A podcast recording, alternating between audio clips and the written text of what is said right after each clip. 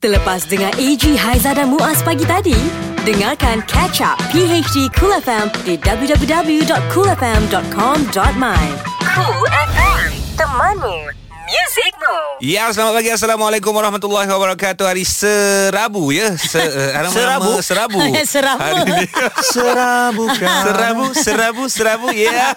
Okey, bersama dengan kami menemani anda Ya. Aizah Eji dan juga Muaz Aha. uh, Tengah buat apa sekarang Kalau memandu itulah yang selalu kami pesan Hati-hati Okey, Ya. jadi uh, seperti biasa kami akan bersama dengan anda dan uh, kejap lagi kita nak mulakan awal pagi ni Mhm. uh, dengan ceritanya ada klon Allahyarham Tan Sri P. Ramlee. Wow. Wow Peminat ni aku rasa Yang ni muda. Ha ah. Rupa Rupa Sama. pun macam Allahyarham. Lebih kurang, ya? Dia nyanyi pun lebih kurang. Sebentar lagi kita akan kongsikan ceritanya ya. Cool FM, temanmu, muzikmu. Selamat pagi kepada anda semua bersama mendengarkan kami pagi hari di Cool FM. Aha, macam biasa ada Eji, ada Haiza dan ada Muaz. Oh, lagu ni I need a hero. Yes, Pagi-pagi kan? Ha. Memang hero adalah bapak kita. Betul. Kalau anak-anak kecil ni kan, I need a Kalau- hero, my Ah, bekal lah. Ha, I setuju, bapak I kita setuju. macam Ha. I, suami kita. Betul, Ha, betul. Ha, kan? So selamat pagi kepada golongan-golongan bapa, selamat Yes. pagi kepada golongan suami Ha-ha. dan selamat pagi kepada golongan lelaki. Yes, okey lah. Tapi lelaki yang ucapkan. Tak apalah. pula. Kita appreciate Oh, yeah. Hero, lelaki. hero ucapkan kepada hero. Kami sayang lelaki. Tapi betul kan? Geng-geng lah. Kenapa anak lelaki Ha-ha. uh, dia jar, uh, tak berapa rapat dengan bapa? Ha-ha. Ah, golongan Sebab bapa. panas kot. Mungkin lah Ah. Ataupun masing-masing ada ego sendiri Ha. uh, Especially bapa Mungkin uh, dia tak tunjuk sangat uh, Kasih sayang dia Ha. uh, Tu yang anak-anak rasa macam Tapi- jauh Tapi anak-anak kena mainkan peranan Ya betul juga Tapi tak juga Ada yang kata Kalau muka anak lelaki Mhm. Dia ada iras-iras Muka mak dia uh, sejuk Dapat? Oh. Ah, Dan dia dapat lah Okey. Kalau yang perempuan pula Dia macam vice versa Selalu macam tu ah. Ah. Alright. Jadi apa-apa pun uh, sayangi lagi bapa kita Ya, walaupun Uh, tak ditunjukkan kasih sayangnya tapi jauh di surat hati Ya. sentiasa sayang. anda. Kasihnya Ibu Kita apa Kita kejap lagi kita cerita pasal tu Sebab sekarang ni nak cerita pasal uh, Klon Allahyarham Tan Sri P. Ramlee Ah, yang rupa Yes. sama juga eh. Ah, Ini video viral uh, semalam walaupun sebenarnya video tu dah lama Ah. tetapi uh, telah pun dikongsikan semula. Ah. Oi, tapi kalau sekali imbas tengok kan memang sebiji lah Betul ya. lah. Tak percaya Tak percaya Kalau tak percaya Dengar ni Ini lagu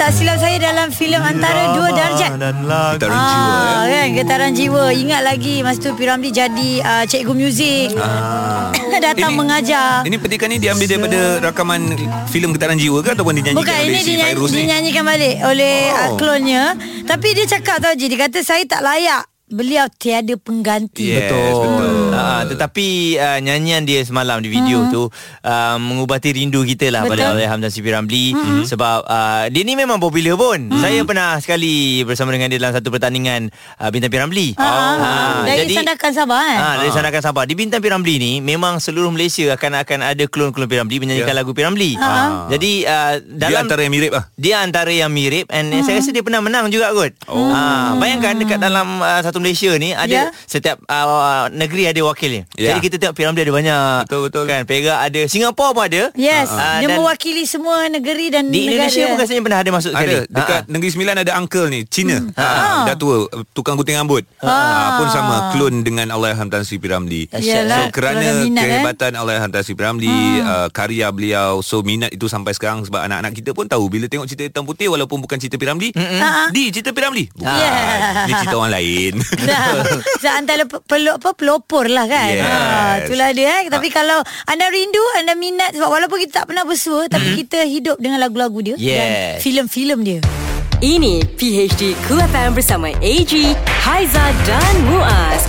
Yes, kami di sini akan sentiasa menemani anda tak kira di mana jua anda berada. Sekarang dah 8.05 minit pagi. Yes, untuk pagi ini bertuahnya kami mm-hmm. uh, bersama Aizah Eji dan juga Muaz kita uh, bersama dengan seorang penyanyi legenda. Yes, uh, mempunyai pelbagai koleksi lagu yang sedap Yep. Ush, dan juga seorang yang sangat petah berkata-kata.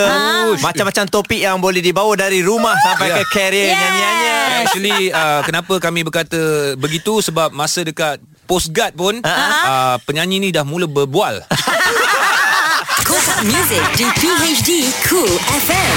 Dia borak, borak, borak, borak, borak. Atau security kata masuklah. Saya kan Saya kan orang pagi Ah, Morning person. Selamat yes. datang diucapkan kepada Francisca Peter. Happy New Year.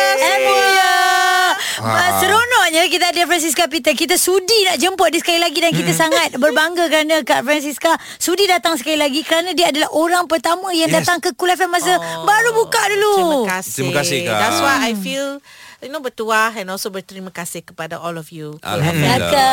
Thank Tapi you very betul. much Selalu ingatkan saya Karakter Kak Fran ni sebenarnya memberikan uh, satu vibe yang sangat bagus. Betul, Ah, betul. Uh, Positif. on- positif Mood pun jadi macam uh, Bertambah Bertenaga Memang Kak Fran macam ni ke daripada dulu semua, You all semua muda kan Yeah. Semua- semua kita- kita- kita semua. Children I rasa macam cikgu tadi kamu ada Sebab bila I hantar anak I Macam children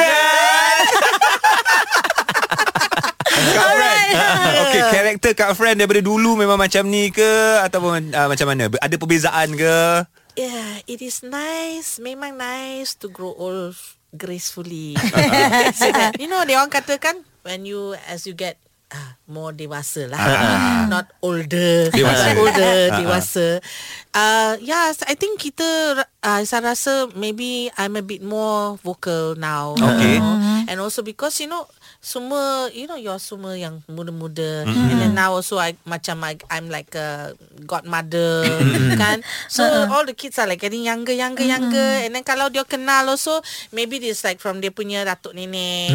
And then from their parents dia kenal Generasi, saya. And then dia tahu kenal music friend pun you know so I rasa you know sungguh berterima kasih kepada semua Yes. yeah Sampai sekarang terus popular itulah yes. dia Yes. Francisca Peter kejap lagi kita nak tanya macam mana untuk mengekalkan aura positif Ya. uh, especially kepada peminat-peminat Mm-hmm. yang terus mengikuti rapat dan terus meminati seseorang artis tersebut. Okey. Betul Cool FM Temanmu Music Rules Bersama kami di PhD Cool FM Francisca Peter Ada satu jam kita akan berikan kepada anda Lagu-lagu yang dinyanyikan oleh Francisca Peter Aha. Lagu tu tadi aku tak tahu kenapa Bila dengar tu dia punya mood tu lain macam lah Ah, tapi kita suka sangat tajuk dia kerana terpaksa. Yes Ah, Ya. bukan kami memaksa tetapi kita dipaksa. Ah, terpaksa. Ah, semuanya untuk mendengar Francisca Peter Tapi ya. lagu-lagu Francisca Peter ni memang luar biasa lah. Hmm. Kebanyakannya pasal putus cinta. Jadi uh, selalunya kalau nak dapat feel ni kan, Kak, adakah ianya kena uh, pengalaman sendiri? Sebab kalau tengok ni putus cinta kerana terpaksa ni semua pas-paksa cinta ke? I memang suka bal- ballad. Okay. I suka love songs. You know all this jiwa-jiwa punya. You know I memang minat sangat. And then I think also dari kombinasi macam seperti songwriters macam Manan Nga. And then ramai lagi lah. Uh, and they all semua. I don't know. Maybe dia macam faham I punya feelings. You know. And they say that oh okay dia boleh bawa because when she bawa is macam really like affect her. Yeah. Mm-hmm. So I feel that because every day kita punya surrounding kan, mm-hmm. you have friends who got putus cinta. Even you also sometimes you say, how I wish, you know, oh, love is beautiful. It is beautiful, mm-hmm. tapi kita orang selalu make mistakes. Ya. Betul tak? Hmm, betul. Betul. It is beautiful. But so sometimes we get hurt whether it's with our best friend, with our loved one, kita punya family atau husband or wife, it's all Ada dekat sekeliling different, kita different. ya. Hmm. Lepas tu bila uh, emosi tu di Yeah. di so you channel ah, punya emosi into the song. lep- And emosi lagu lagi, masa- melodi. Ah, melody Lyrics, is very uh-huh. important also. Because last time macam kerja dengan producer, I tak tahu macam sekarang some artist will say, alamak, dia orang bagi lagu ni, I kena nyanyi lagu ini. Wajib You nyanyi, know, And ya. then you have to really sukakan lagu itu, really love the song. But Manan last time and a few ada ada artis uh, bagi didengar dulu. Hmm. Bagi, Dah bagi jatuh and then cinta Dia bagi lah. banyak Ha. lagu. He like 40, 50 songs and then I go through it one by one. And then you see which one you like. Oh, dia bagi Ha. macam tu. Bila bila dah Yes. suka jatuh hati baru boleh That's deliver right. dengan And baik for me, kan. it's Yes. melody. Selalu yang tertangkap. Okay. Then after that lyrics. Uh, Francisca Vita ada banyak sangat lagu Bila Yes. saya check dekat list kita punya library ni Yes. Allah hai, Kalau boleh aku nak main semua Tapi ba- banyak banyak sangat Antaranya lagu ini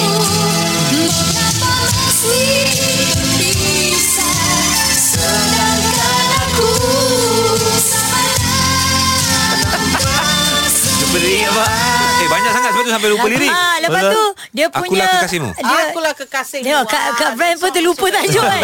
Tapi dia punya rakan duet pun dahsyat. Yeah. Oh yes, Oh yes, lagu yes. duet dia lagu solo. Yes. Yes, with Roy and also duet dengan Jamal. Jamal. Yeah. And then uh, siapa lagi ya? Lagu patriotik pun makanan Kak Friends. Ah, setia. Setia. Demi negara Kan Alright kita nak bercerita lagi Bersama dengan uh, Kak Francisca Peter Mungkin pengalaman Yang boleh Kak Fran Kongsikan Ketika bersama dengan Peminat-peminat Satu Yes. ketika dahulu ya Okey.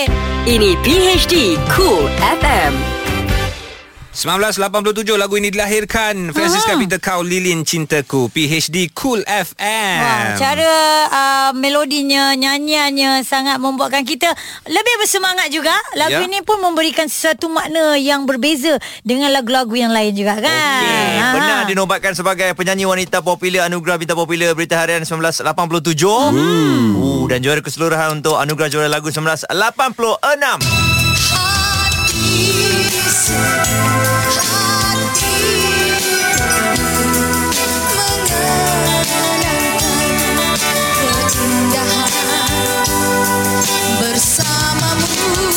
ini diambil ketika Kak Fran Memakai baju Warna pedal pop Ah, baju kurung. Baju kurung right? Baju kurung kan.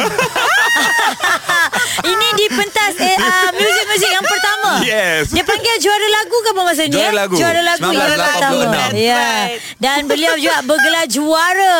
Ya. Yeah. So wow. Kak sebagai penyanyi yang pertama memenangi pertandingan yang sangat besar on that time dengan prestige. artis-artis yang lain, artis yang ada nama. Yeah. Sekarang ni dah masuk tahun yang ke-33 anugerah juara lagu. Amazing kan? Amazing Wow. kan? Mungkin apa apa yang Kak boleh share? Maybe your experience ke, nasihat ke? Ah, nasihat is uh, don't lah because I think sebagai penyanyi-penyanyi kita selalu menggigil always get nervous tau for this kind of thing you Yeah. know because it's it's like kita sebagai penyanyi kita cuma nak nyanyi je kita suka sangat cinta sangat Minat. nyanyi but not for the competition side ah. so sometimes maybe there will be nervousness Betul? Mm. So better to treat it like for all the artists for this year, better treat it macam oh it's just another variety show.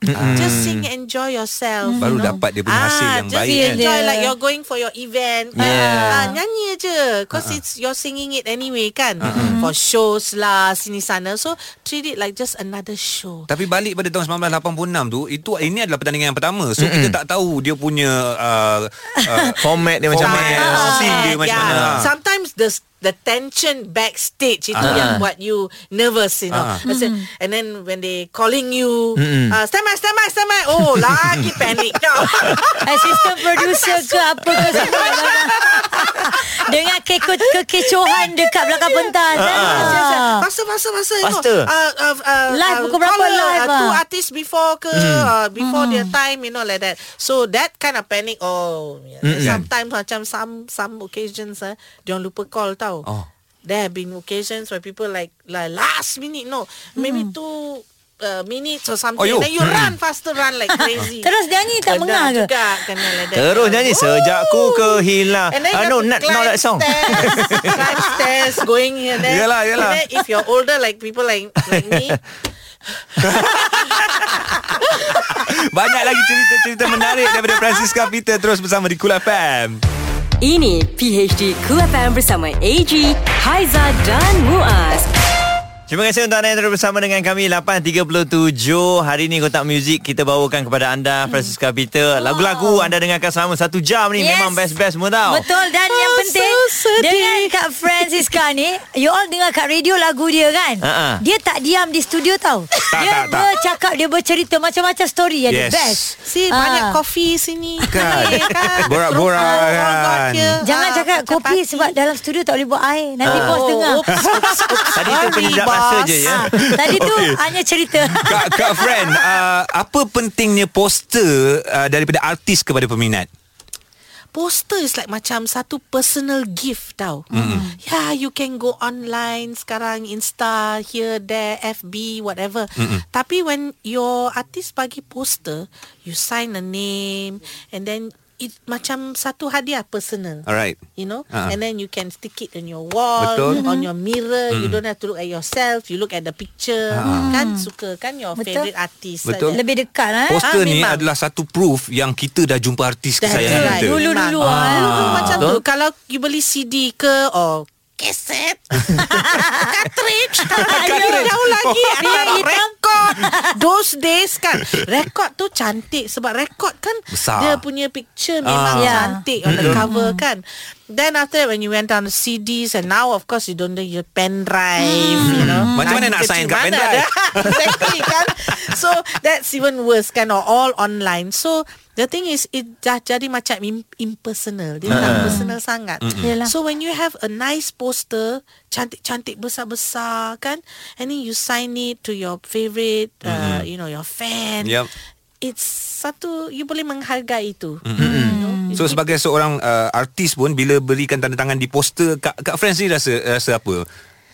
it's it's uh, satu yang you boleh rasa macam proud you not so much proud but you feel you know honoured macam you rasa you know peminat you suka you sangat Yeah. and dia menghargai your signature because it Yes. means something for them dia balik rumah say see Hmm. Bukti. bukti look at that I got Yes. this I ada ni you know and then they can put it on their wall they can frame also Ya. Itulah, So siapa lagi eh kat zaman sekarang ni ada simpan lagi poster artis kesayangan? Ada ramai. Ada lagi Ada ke? Cuma kita tak jumpa orang je ada. Ya. Dengan oh, some dia tak dapat so they maybe they just uh, print it out. Ya. Nah, la- lagi pun dulu dekat dalam majalah hiburan mesti ada satu Ada. gambar artis Ah, lirik, ya. ada lirik Double sebelah. page, middle page. Lepas tu so ada dia- lepas tu tarikh Januari. Ah, siapa yang siapa yang kat center page tu? Paling top lah. Ah, Ah, center top lah. page. But Ah. now semua online news Yeah. kan lain dah. Berbeza, All change. berbeza. Physical tak dapat Ya. pegang. Yeah. Ah. Change. Alright. Jadi untuk anda semua yang masih lagi layan lagu-lagu Francisca Peter ni kejap lagi ada lagu ni. Mawar yang terpinggir. Kadang dipuja, kadang tersingkir.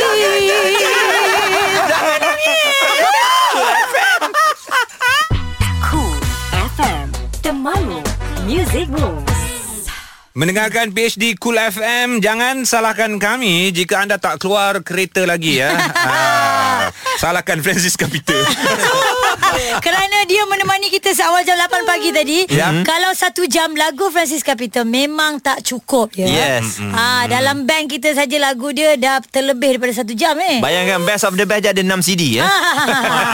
Best of the best 6 CD 6 CD. Sekali lagi takut ada yang dengar ni terlupa. Ha-ha. Francis Capita adalah pemenang juara lagu yang pertama pada tahun 1986. Okey, ya. Haiza tadi minat lagu Cinta Si Kunang-Kunang. Ha. Kalau macam saya sendiri, lagu yang paling saya suka nyanyian Francis Capita ialah lagu ini.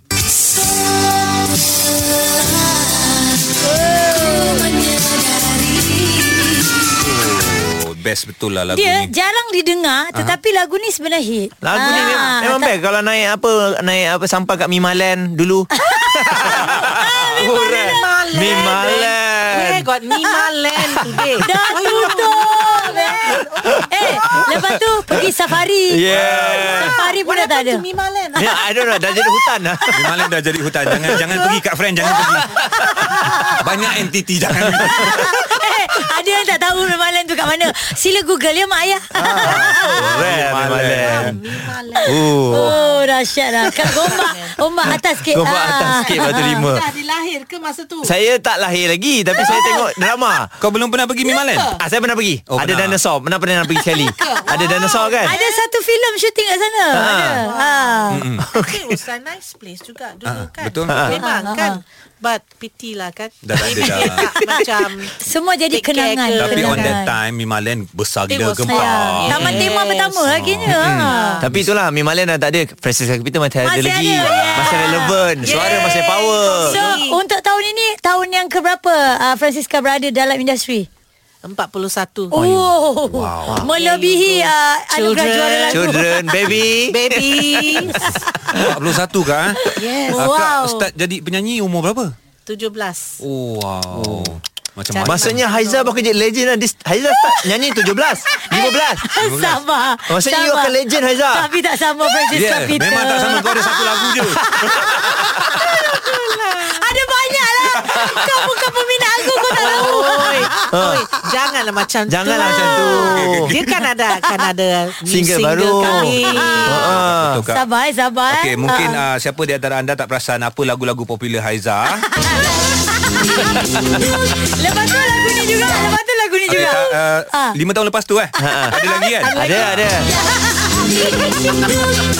Eh Tapi kan Tapi kan Ha-ha. Walaupun lagu ni uh, Dah berapa puluh Dah 23 tahun Wah. Tapi tetap menjadi siulan Itu je lah Okey, Terima Kak. kan Untuk kekal relevan 41 tahun yang Hmm. yang orang cakap tu peminat masih lagi kenal jumpa kat luar orang bergambar lagi. Yeah. Banyak soalan-soalan kepada Francis. Kapita di Facebook dan juga sebagainya. Macam mana akak boleh maintain kekal begitu ya? Hmm. Well, Ya children yes. Um, selagi I think selama dan selagi ada peminat saya biasa je lah. Uh-huh. Kalau dia ada any question pun kita se- sebab uh-uh. kerana mereka lah peminat kita kita masih ada sini. Ya. So kita kena berterima kasih kepada mereka uh-uh. dan kalau dia tanya apa soalan pun you just jawab aja. Uh-uh. Jawab and kalau you tak rasa maybe sometimes ada some fans maybe a bit terlalu a bit kalau you nak jawab the soalan you rasa tak comfortable then Mm-hmm. you just be macam you know just overall just jawab okay thank you and just that's it tak Ada payahlah cara jadi yang- upset ke Kan- no tak payah because Sebab- memang dia peminat Ya, kadang-kadang ada oh, apa setengah artis yang dia menjawab terlalu uh, daring, garang dan sebagainya. maybe Ah. sometimes you know dari segi macam you know now everything you write Ah, betul. Dari segi tulisan tu memang tak ada emosi Betul? Yes. Kita tak ada Tonasinya. nampak you punya face expression hmm. atau you punya tone you know whether you marah ke you actually hmm. being funny ke sarcastic Ah, ke ah, ah, ah. kita tak tahu Yeah. but some peminat maybe dia rasa sensitive they say kenapa dia jawab macam tu ah Dia baca direct Ah, kan. dia- Ah. dia- lain orang dia punya fikiran tu dia punya reading into sesuatu Yes. one sentence can mean many Macam-macam things bentuk. Hmm, betul. tak? Ya. Okey, uh, macam kejap sangat kan kita bersama lah. dengan Francis Kapita Tak ada boleh satu tambah satu uh, kan kita macam sembilan. nak cuba tambah. boleh saya boleh duduk di sini Saya pun belum boleh balik Eh, lagi Tapi kita nak buat announcement Nak Yeah. buat announcement Kak Francis Kapita ni Sebenarnya adalah seorang artis Sangat disiplin. Ha-ha. Walaupun pukul 8 Temu janji dia 6 suku dah ada Dah sampai. Ui Saya takut jam. I really takut jam. I'm Simple. freaking out in the Ha, car. Dia manage Yeah. dia punya time Sangat bagus lah Rasa bersalah. tak lah, kan? Because this is life. Mm-mm. Ya. Cannot be late. Mm, betul. Betul tak? Betul? Yes, disiplin macam ni lah yang patut kita belajar ya Yes. macam mana untuk Sebab that's why tu. boleh bertahan sampai 41 Betul tahun. ha, That's right AG, Haiza dan Muaz. Ini PHD Cool FM. Pemenang juara lagu 1986 dengan lagu yang cip, dicipta oleh Manangah. Manangah. Hmm. Ya. Sekadar di pinggiran. Wah, kita dah tanya tadi macam mana pengalaman, uh, perasaan. Of course, uh, dinobatkan sebagai pemenang yang pertama anugerah juara lagu. And also you all had apa ASEAN Song Festival also Yes. winning song. Wah, nama pertama Francis Kapita masuk dekat Wikipedia anugerah juara lagu tau. Oh, dahsyat. Record tu record lah. Eh tapi ada yang tanya ni Hantar whatsapp Dia kata Kak tak ada ke uh, Buat-buat show yang kita boleh pergi ni Ah, Open lah, open tengok show open eh. show Ah, ke showcase ke. Ah, ah. TV3 Saya tunggu you. Ah, ampun. Apa lirik dia tu eh? Yes tunggu TV3 lah TV3 saya tunggu you dia cakap. Ah. Itu pun sedap ni. Betul lah. Padahal tu lirik baru cipta je. Baru cerita Ah. Tapi mungkin akan didengar Ah, ya, ya, ya, ya. Kita akan ulang yang ni lah banyak kali. Kan, I tunggu. Sekali lagi. tunggu. TV3 I tunggu you Alright, sekejap lagi kita ada lagu uh, terbaru buatan terbaru daripada Francis Kapita. Okey Aha. Dan uh, untuk anda Jam seterusnya Jangan ke mana Ada lagi eh Ada kita tahan Cool FM Ini PHD Cool FM. Jam yang terakhir Kami masih lagi Ya. bersama Dengan anda Dan Aha. juga Francis Kapita Ada kat sini Surprise ada Dia lagi. nak balik Kami kata jangan balik. Eh bukan bukan bukan. Uh, Dia kata "Kam- Saya tak nak balik Boleh tak saya duduk sini. Kami kata silakan silakan. Tapi memang best lah Sebab apa? Ha. uh, Francisca Peter, Peter Mempunyai lagu yang sangat Banyak Untuk anda dengar. Dan lagu-lagu dia Sebenarnya macam Haizah kata tadi lah Satu jam tak cukup. Tu yang kita bawa Sampai pukul 9 ni Sebab dia ada buah tangan baru. Yes. Ah, Kan? Open the world. Ah. Open the world to cool FM. Yeah Mungkin boleh cerita mengenai single Open the world ni? Open the World adalah uh, untuk organisasi antarabangsa iaitu uh, kebajikan mm-hmm. uh, World Vision. Mm-hmm. Uh, saya tahun ni adalah tahun yang ke-14 sebagai Oh. duta di Malaysia. Wow. Dan uh, kalau kita buat ada charity anything fundraising ke semua mm. proceeds uh, untuk kanak-kanak di negara-negara yang miskin mm. atau ada bencana alam or they are in macam war mm. zones ya. Kira so CSR untuk kanak-kanak tu akan juga, jadi ah. macam tolong mereka untuk uh, dapatkan macam uh, education, hmm. you know, pelajaran ataupun uh, uh, ajar mereka untuk belajar satu skill, hmm. whether it's sewing ke, hair cutting hmm. ke, you know, things like that lah. We help them so dia boleh cari rezeki sendiri. Yes, ada kemahiran dan sebagainya. right. Right. Ni Yeah. Aizah nak baca satu lagi komen. Dia kata, uh, bestnya pagi ni dengar lagu-lagu daripada Kak Francisca. Masih teringat pernah jumpa Kak Franz. Dia kata, memang dengar dia punya suara tu bestnya. Dan mak dia paling seronok. Ah, dia kata akak memang legend Siapa growing tu? up Mak with your beautiful songs. All the best sister. Thank you. Dari Eji Gunasilan. Yeah. Wow. Ini pendengar Thank setia you. kita. Daripada Moon Kakak pun ada. Dia kata minat lagu Francisca Peter especially Mawar Terpinggir lah. Kita samalah. Ya, Yeah. kan? Suara evergreen. It's a sweet song? Yeah. Okey, jadi uh, mungkin uh, kepada semua peminat yang sokong uh, selama ini hmm. kan. Uh, mungkin 41 ada tahun, kata-kata eh. Ha. kepada mereka semua yang uh, sekarang dengar eh rasa rindu sangat. Hmm. Uh, rasa nak jumpa sangat ataupun mungkin ada Facebook yang boleh kita Yes, chat-chat. yes, Yeah. Facebook ke atau you some eh, Instagram okay, still baru a bit new here and there sikit lah. But Facebook yes, definitely. Um and uh, kalau ada apa-apa always just tanya soalan ke come there jam you know and chat chat it's okay. Yeah. Yes. So uh, at- atas nama Francisca Peter. Francisca Peter. Alright. yeah, cari suruh saya. belanja lagu pun boleh kan? Nyanyi kan? Yes, yes, anything. Anything. Yes, Okay. anything but not all things. Alright, kita nak ucapkan terima kasih kepada Francisca Peter uh, Thank bersama you. dengan industri 41 tahun. All the best. Terima Dengan kasih. lagu terbaru juga yang ada. Cool FM Temanmu Music Rules Kami bertiga di sini insya-Allah setia menemani anda ya pagi hari di Cool FM bersama AG, Haiza dan juga Muaz. Ya, sepanjang hari kami sajikan lagu-lagu uh, menjadi siulan kegemaran Mhm. anda. Dan hari ini juga kita nak kongsikan. Yes. 5 yang trending 5 yang trending Bersama PHD Cool FM Apa yang kami pilih adalah cerita-cerita yang viral, cerita-cerita yang mendapat perhatian bukan saja di laman sosial, malah di kereta akhbar maupun di berita-berita. Aha. Dan kita mulakan dengan nombor 5 Yes, ini cerita pasal Bikini Climber. Saya rasa semua orang dah baca. Cuma mungkin baca tajuk je. Mm-hmm. Ha, ini kita jelaskan cerita dia. Mm-hmm. Uh, seorang pendaki wanita yang terkenal di media sosial dengan suah fotonya, iaitu dia suka ambil selfie kan. Memakai bikini di atas puncak gunung.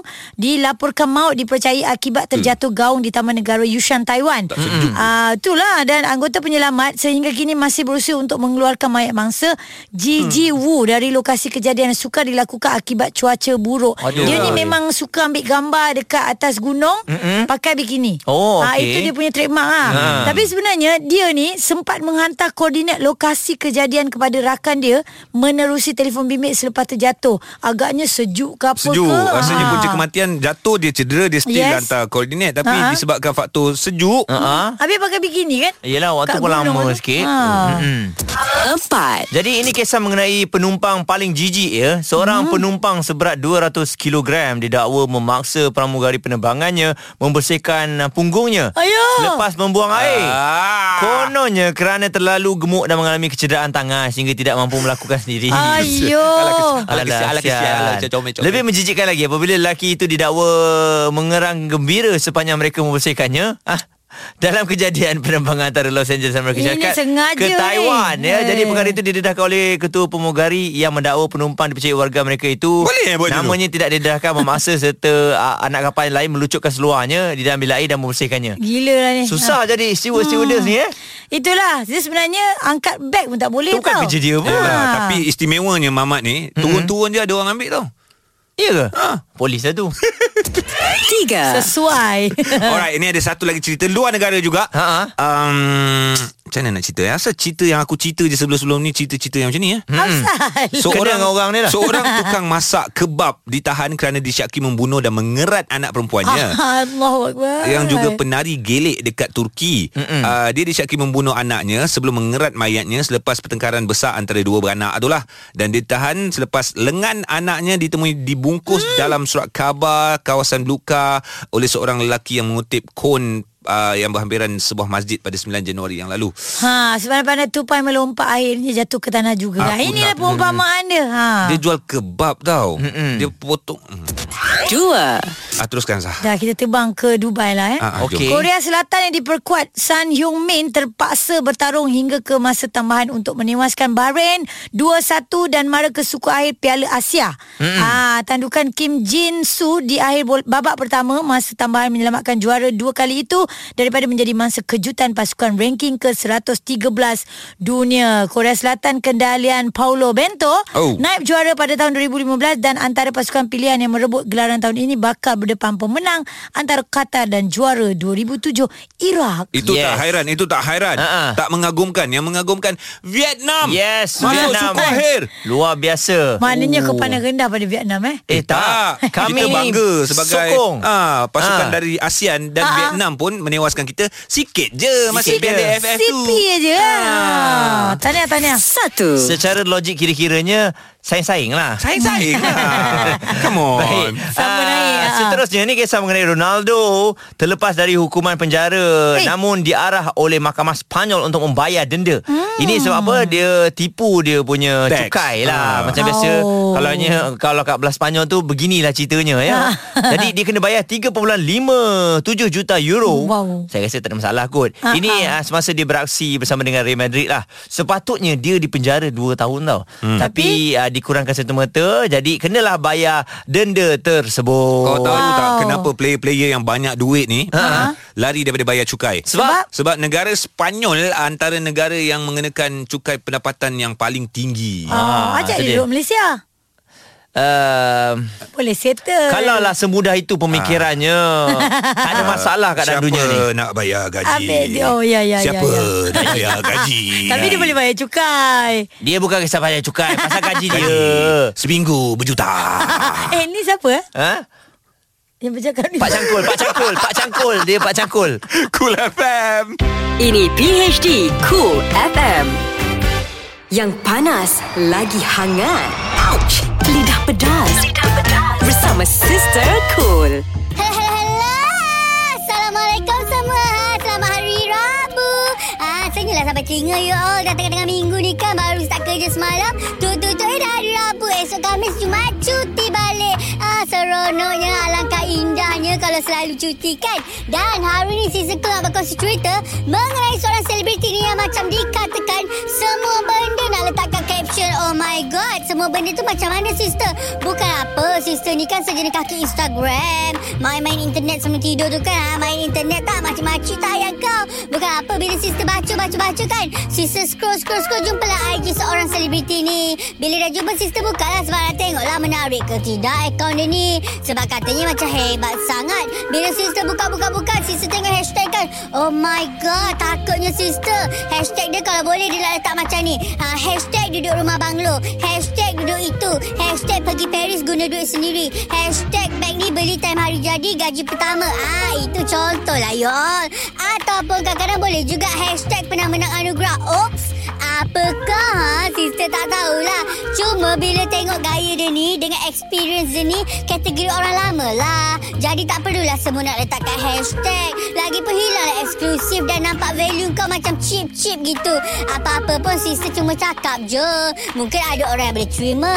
Macam sister tak boleh terima Sebab tu lah nama sister-sister cool Apa-apa pun Enjoy your life. Semoga semuanya dipermudahkan. Okay lah bye Ini PHD Cool FM. PHD 3, 2, 1. Kita ada kucing. Nama kucing kita... 3. Hmm, nama kucing kita Dek Mok. Dek Dek Mok. Ah. Siapa Dek Mok? Sebab dia mok-mok gitu. Hmm, badan dia. Oh. Comel. Oh, oh. Awak ada kucing? Ada. Nama apa? Dek Rus. Kesian. Sebab dia kurus. Kesian. Dapat tukang jaga tak bagi makan. Eh, jangan cakap macam tu. Asal? Kita punya Scottish Full. Oh, full.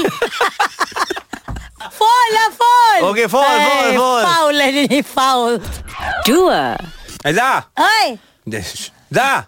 Aizah. Eh, asal? Apa Ha? panggil aku? Tak ada. Ada ni? Aizah, mana Pak Aizah?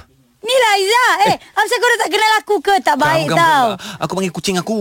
Eh, kucing nama Haiza? Ha-ha. Downgrade-nya? Tak, sebab dia berkurap. Dia berku- kucing kurap nama Haiza. Amboi. Johnny. Oi. Ada kucing baru ke? Tolong makan kucing kurak tu. Satu. Itulah Dah kata Jangan merayap Suka sangat keluar Pergi sana sini ha? Dah anak dara tak kita duduk rumah Ji, Ji kau tak ha? jiran sebelah tu Ji. Eh, Itu Asyik susah membebel anak dia tu lah ni. Susah. Siapa? Si Eh. Jenab. Ah, si Jenab. Kenapa? Jenab tu mah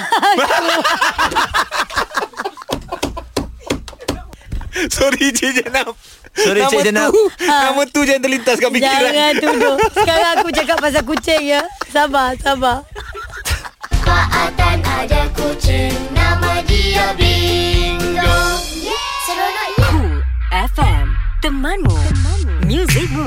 uh, Yang mendengarkan kami Frekuensinya 101.3 di Lembah Kelang Ya, selamat pagi semua. Hari ini hari Rabu ya. Ya, serabu. 23 Januari. Eh, kejap je dah 23 Januari. Dah dah Sekejap dah nak masuk Februari ya. Ya. Ah, Okey, uh, jadi bila sebut mengenai nak masuk Januari Februari ni, Aha. perpindahan pemain untuk Liga Malaysia ni pun Oh, tengah rancak ni. tengah Laju juga eh. Macam perpindahan bulan juga eh. Laju. Betul. Okey Ni saya nak tanya Kalau kat kampung ada tak Nama Mak I Mak Ki Mak Mak Li I Ada. Ada. Ada Kalau kampung Aizah ada Kat kampung kita ada mat basikal je. Ada mat lah. Mat ada. basikal? Mat, uh, mat basikal. Dia memang main basikal Ah. ajak punya geng lah tu ada kat kampung aku ada Makrib, Makrib. Makrib. Makrib ada. Ah, Tapi sekarang ni yang diperkatakan adalah Mak Don Mak Don. Ah, ah. Dia ada beza dengan Mak Dan eh. Ah. Mak Dan yang kat Terengganu tu. Ah. Mak Don yang main bola sepak yang kat Kedah Oh legend tu. ni yang semalam dengar korang borak-borak kat tepi kafe eh. Yes. Mat Don. Okey. Yes. Ah, ah, dia sekarang main untuk negeri mana? Dia dah main untuk negeri Melaka Wah, United. MU lah. Yes. Hmm. Tak ada dia sebenarnya kena memang kena pindah daripada Ha-ha. pasukan Kedah walaupun Okey. dia tak nak ke tapi syarat untuk uh, Mat Don ni menjadi pemain neutralisasi mm-hmm. dia kena bermain dengan kelab di Malaysia sekurang-kurangnya 3 ataupun 4 kelab. Oh. Ah, so untuk uh, tahun depan mungkin Ha-ha. dia akan jadi player yang akan memakai jersey Harimau Melaya lah. Ui, mengikuti Sumarih ha. Yes. Ah, Kiranya bersama dengan Mak Don nanti ada Jang Suwon, Mhm. Liridon Kranik Krasniki, Khairul Fahmi Cik Mat, Hai. Anselmo Casagrande dan Darko Makovic. Ah. Cara dia sebut macam nama sushi. Ini sedikit Tapi- petikan mengenai Mat Don. Bekas penyerang sensasi Kedah, Liridon Krasniki sah menjadi milik pasukan Melaka United selepas menandatangani kontrak selama setahun bersama skuad Hang Tuah. Meskipun sebelum ini digembar-gemburkan bakal menyertai pasukan Pahang dan Johor Darul Takzim JDT, pemain berasal dari Kosovo yang mesra dipanggil Mak Don itu akhirnya memilih Melaka United selepas mewakili skuad Kedah selama empat musim. Ah, Yeah. tu dia. Oh, Liridon tu dia lah. Dia lah. Nama penuh. Mat Don, Mat Don. Ya. Apa-apa pun tanya kepada Melaka United Yep. uh, Semoga pasukan ini mengembalikan uh, kegemilangan dia hmm. Tak sabar juga sebab otak-otak lama semua ada kat situ Betul? Eh, hebat ni. Hebat. Uh, Sapi Rahim. Ada Uh, apa Kap- Apek ada. Apek ada Ya. Mak Don Suku Adan ada, Suku Adan. Adan dekat sana So MU saya free date tu Apa-apa call lah eh Untuk show kat stadium macam dulu Eh macam wah. Dulu. pernah lah opening Wah, Masa tu dah menang dah Dah tu dulu Ah. Sekarang kita panggil Wani Asrita lah Untuk opening Macam tak kena je AG, Haiza dan Muaz. Ini PHD Cool FM. www.coolfm.com.my Dengarkan kami juga di uh, laman sesawang itu Ya. Dan boleh bawa kami ke mana saja Selamat pagi orang-orang Pulau Pinang yang mendengarkan kami di saat ini diharapkan berada dalam keadaan baik bukan saja di Pulau Pinang malah di mana saja anda berada tapi kita sebut tentang Pulau Pinang ni uh, satu kemalangan yang berlaku di Jambatan Pulau Pinang Satu, Okey. ha. uh, yang mana uh, membabitkan se- uh, dua buah kenderaan Ha. dan yang menjadi uh, perhatian ramai kerana kenderaan SUV itu masuk ke dalam laut di Jambatan betul. Pulau Pinang. Dan Okey. semalam kita tengok uh, dah bawa keluar. Ya, Alhamdulillah. Ah, Alhamdulillah dah dijumpai apa semua kan. Apa Betul. Tapi ada lagi satu kisah baru ni. Okey, ni Ah. kisah orang kata kerana mulut badan binasa. Alright. Hmm. Kerana mulut uh, tak eh ini bukan mulut. Ini kerana tangan. Oh. Kerana tangan yang Jari uh, jari yang menaip ah, habis semuanya. Jadi seorang pengguna Facebook telah membuat uh, permohonan maaf secara bersemuka kepada anggota bomba ni. Tu dia. Selepas dia membuat kenyataan biadab mengenai operasi mencari dan menyelamat Ya. uh, terhadap kereta SUV yang terumban tu. Uh-huh. Uh, jadi Chua Chuan Ho ya hadir ke balai bomba dan penyelamat Wow. uh, semalam dan bertemu dengan uh, apa anggota bomba di sana lah untuk mohon maaf. Hmm, zaman sekarang ni betul lah bukan kerana mulut badan binasa. Hmm. Kerana tangan tu kadang-kadang penulisan yang dil- dilakukan tanpa mikir yang panjang lepas tu send, Ha. ada pula orang caption, ah Habis. jadilah komen netizen. Jabatan Bomba dan Penyelamat Malaysia JBPM Pulau Pinang akan menjalankan siasatan berhubung permohonan maaf yang dilakukan seorang lelaki kerana menghina tugas anggota pasukan penyelamat itu. Pengarahnya Sadu Mokhtar berkata pihaknya akan menjalankan siasatan terlebih dahulu sama ada permohonan maaf dibuat lelaki itu benar-benar ikhlas atau hanya sekadar gimmick. Wow. Menurutnya pasukan bomba ada akta tersendiri dan boleh mengambil tindakan undang-undang kepada mana-mana individu mengikut Seksyen 51 Akta Perkhidmatan Bomba 1988 kerana mencaci, mengganggu dan menghalang tugas. Tu dia. Alright Dan kalau anda nak tahu Apa yang dia tulis Dekat Mhm. laman sosial dia Ialah dia kata Skuad penyelamat bomba kita tak guna Cetek je pun Hmm. Itu pun gagal nak cari Semua tidur dan makan saja Tapi Ayuh. memang mendapat kritikan netizen Yang menyifatkan Tidur dan Beliau makan. ni ha, Seolah-olah tidak sensitif Dengan kejadian Ke berkenaan seolah-olah ni memang tak sensitif ni memang Hamba. patut. Ha. Memang Orang dah buat daripada awal lagi ya. Ha. Ha. ha. Supaya ni ni jadi contoh kepada orang lain lah. Jangan Oh. uh, bila dah type apa-apa lepas tu datang minta maaf settle. Ha. Tak boleh ha. Banyak lah dah banyak kes lah Senang dia minta maaf Dan beberapa kes pun sebelum ni uh, Nak minta maaf senang Tapi kena buat kajian macam bomba kata lah Okay Kita akan check betul-betul Sebab masa kau buat tu Kau tak fikir panjang kan Tindakan rasanya Perlu dikenakan juga Yes. Okey, uh, sekali lagi uh, tahniah diucapkan kepada pasukan SAR kerana demi uh, orang lain mereka sanggup bergadang nyawa mm-hmm. uh, untuk melakukan tugas demi keamanan jugalah ya. Yap, uh, uh, terus berjuanglah untuk negara kita. Cool FM Temanmu Music Rules Agaknya apa filem favourite anda yang mungkin anda dah kongsi di laman sosial anda Ah. sambil-sambil dengarkan PhD Cool FM ni. Aiza, filem favourite cerita apa? Uh, yang saya menanti sekarang ni Menanti? Uh, Saya menantilah 31 tak silap Aha. uh, Cerita How to Train the Dragon Oh. Three. Ah, tak tak ingat part berapa tapi Oh, kau lalu suka je. cerita kartun, eh? Ah sebab anak aku dah layan, aku kena layan ah. Oh. Ah, takkan dah banyak cerita itu cerita yang suka. Ya, sebab itu yang terbaru kot. Oh ni paling terbaru tadi tanya. Ah. Kita tanya filem favourite. Filem favourite lah. Oh, favorite. Kau tak dengar ke? Aku ulang balik. Zah, filem favourite cerita Maaf, apa? Saya di awal-awal kan Tapi cerita gentayangan. Dragon. Tapi cerita Dragon tu dah kira Ada Ah. season ke berapa ya, ya. Maknanya favourite jugalah Nak Itulah. cover Ah. juga. Okey lah. Kan panjang tu Ustaz ni Tak ah, apa, tak apa. Ni cerita pasal umur yang panjang ni. Ah, Ah, okey, ni Sebab tu kena favourite. fokus bahawa umur panjang. Ah. Okey. Ah, kerana makcik yang didakwa antara usia yang paling panjang ni 128 tahun. Okey. Dia kata uh, dia ni hanya mengamalkan uh, minum campur yogurt dan air sejuk saja. Wow Ah, sebab tu umur dia panjang. Jadi uh, dalam paspornya umur Nanu Shova ditulis pada 128 tahun. Wow. Hmm. Ha, dia turut didaftarkan sebagai individu tertua dalam Book of Record Rusia 2 tahun lalu tau. Okey. Ha, jadi dia kata uh, anaknya Husin ni memberitahu ibunya tidak mempunyai sebarang diet khas Aha. dan uh, dia uh, lakukan banyak kerja lah. Ha. Uh, jadi Husin uh, mendakwa ibunya yang paling tua sebab ibunya dah tak ada dah. Oh, Tapi dia kata dia meninggal tu pada usia 128. Oh panjang umur dia Ha. Tapi kalau kita tengok rekod-rekod pun uh, wanita yang usianya panjang macam di negara China pun ada juga Jepun. kan. Ah, yang ini mana tadi? Ni di Ah. Rusia. Rusia. Sebab dia duduk kat mana tau? Pergunungan Kaukasus. Oh. Kau kata. Kita pun tak kita pun tak tahu tempat tu kat mana kan. Mungkin tempat-tempat macam ni antara faktor juga oh, sebab uh, aman, Sejuk. Betul. sejuk, tak ada fresh. fikir apa. bersih. Makanan dia pun yang Hmm, pucuk ubi segar-segar. dia sedap. Hmm. kan. Eh? Hmm. Betul eh Kita bangun pagi pun dah macam-macam fikir dah Yes. eh, Kita kena pindah dekat gunung lah Kan nak jadi kambing? Kita kena pindah eh? ha, Tunggu lepas pilihan raya boleh lah Cameron Highland tengah pilihan raya sekarang oh. Tempat sejuk. Cool FM Temanmu Music Rules Anda masih lagi bersama dengan kami pastinya di PHD Cool FM mm-hmm. dan seperti biasa juga Muaz time-time macam ni kita ada Berita sukan bersama Haiza. Ada lagi ya? Ada. Ingat dah tak ada dah. Eh, Tu, sila hadap. permintaan, tinggi. Tapi tadi saya tengok dia bincang dengan Francisca Peter. Yelah. Oh, dia dah belajar Alright, English. alright, alright, Very alright. good. I'm not his dad. Eh, siapa? Francisca Peter dengan you kan kawan no, apa no, dad no, pula? no, this one, this berita, this Oh, berita. this berita. Yeah? Okay, okay. Guardiola wants change much love to Mendy. Yeah, Huh? uh, Mendy. Manchester City manager Pep Guardiola insists he will not crack down on Benjamin Mendy's prolific social media output as the French defender returns to action following a two-month Benjamin injury Button. layoff. Weh, baguslah dia belajar belajar dengan Francisca Peter Of ni. course, Mendy who also missed uh, most of last season due to a cruciate knee ligament Ui, injury panjangnya, has become be- better known for his larger than life. Oh, yo, Ui. Backstreet Boys. Ah. Yeah. yeah. Backstreet back. Bukan. Alright. All you got you need got larger than Aku rasa kau pun kena pergi belajar dengan Francisca Peter. Cool FM. Temanmu. Music Moves. Apa khabar kawan-kawan kita yang berada di Filipina sekarang ini yang mendengarkan www.coolfm.com.my Ya. Dulu ingat lagi uh, masa zaman kecil-kecil ada kad kan? Hmm. Kad yang ada kucing lah, ada gambar bunga, ada gambar kereta. Bila eh? Bila eh? Ada zaman kecil-kecil dulu. Lepas tu kita nak tahu kawan kita dari mana, dari Filipina. Oh ya, kami tak pernah rasa pun benda tu. Oh, tak rasa Eh, kan? tapi Ni tahu ya, mana? aku ingat eraser ada gambar-gambar bendera. Itu eraser ni kad, name card, name card. Name card eh. Oh. Oh, name card ada kot yang oh. hobi apa semua tu. Ah, so de- dekat situ kita uh, boleh pilih kawan kita. Yes. Filipina ke apa ke.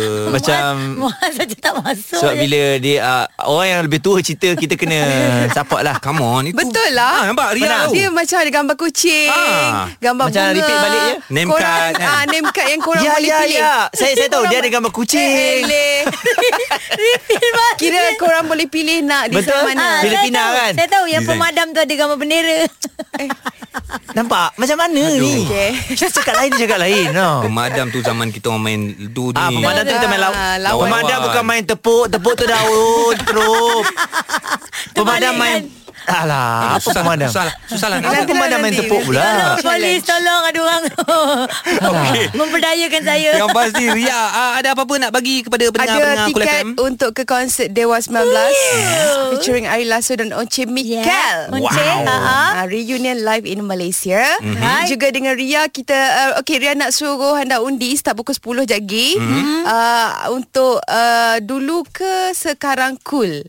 Uh, kiranya Ria akan pilih seorang artis. Uh-huh. Korang nak dengar lagu baru dia ke lagu lama dia? Oh. Alright Maknanya dia tu Dulu cool ke sekarang lebih cool Ah, yes. Kalau Kalau rasa nak- Haiza Ada ada dulu cool. Kenapa ada nama aku eh? Tak sebab kau kat depan ni Contoh lah. Contoh. Ah, lagu Ada? baru Kak Aiza dengan Ada? lagu lama Kak Aiza. Mana Ah. satu korang nak dengar? Ah, lagu lama. Ah, tapi kena undi Macam mana dekat nak Insta kata story. Macam mana nak kata support Kau dah sebut lagu lama Lagu baru keluar pun Okey, lagu baru lah, support. lagu baru. Sabar, sabar, sabar. Lagu baru Sabar. dengan Phil Surf tu kerana Ah, ah. ah. tak ada main okey. Hamzah tak boleh main Ha? Lagu Fish. tu Kena ada orang minta. AIM AIM eh Kena ada orang minta. Baru kan? Oh, kena, ya. kena undi Lagu kan? kerana AIM eh Tahu, Ah, okey. sabar jangan personal sangat. Ah, Dah lah. Kalau nak undi, Lima terbaik uh, ya ya. Nak cakap pun Lima terbaik ayah Ah. Eh, eh, eh. Sekejap sekali lagi Di diam. www Lagu kerana tak lah undi dekat Cool FM punya Insta story. Oh saya sorry ah, okay. Ini yang nak cakap ni pun Ini Aduh. Lima Lima Okey. terbaik Top set kolaborasi ni dah uh, disaster ni Kejap lagi ada lagu-lagu ini Kita lima yang tak dia Mana lagu kerana Tu apa lagi lagu yang ada Ada eh termasuk dengan Jom Lizzo okay?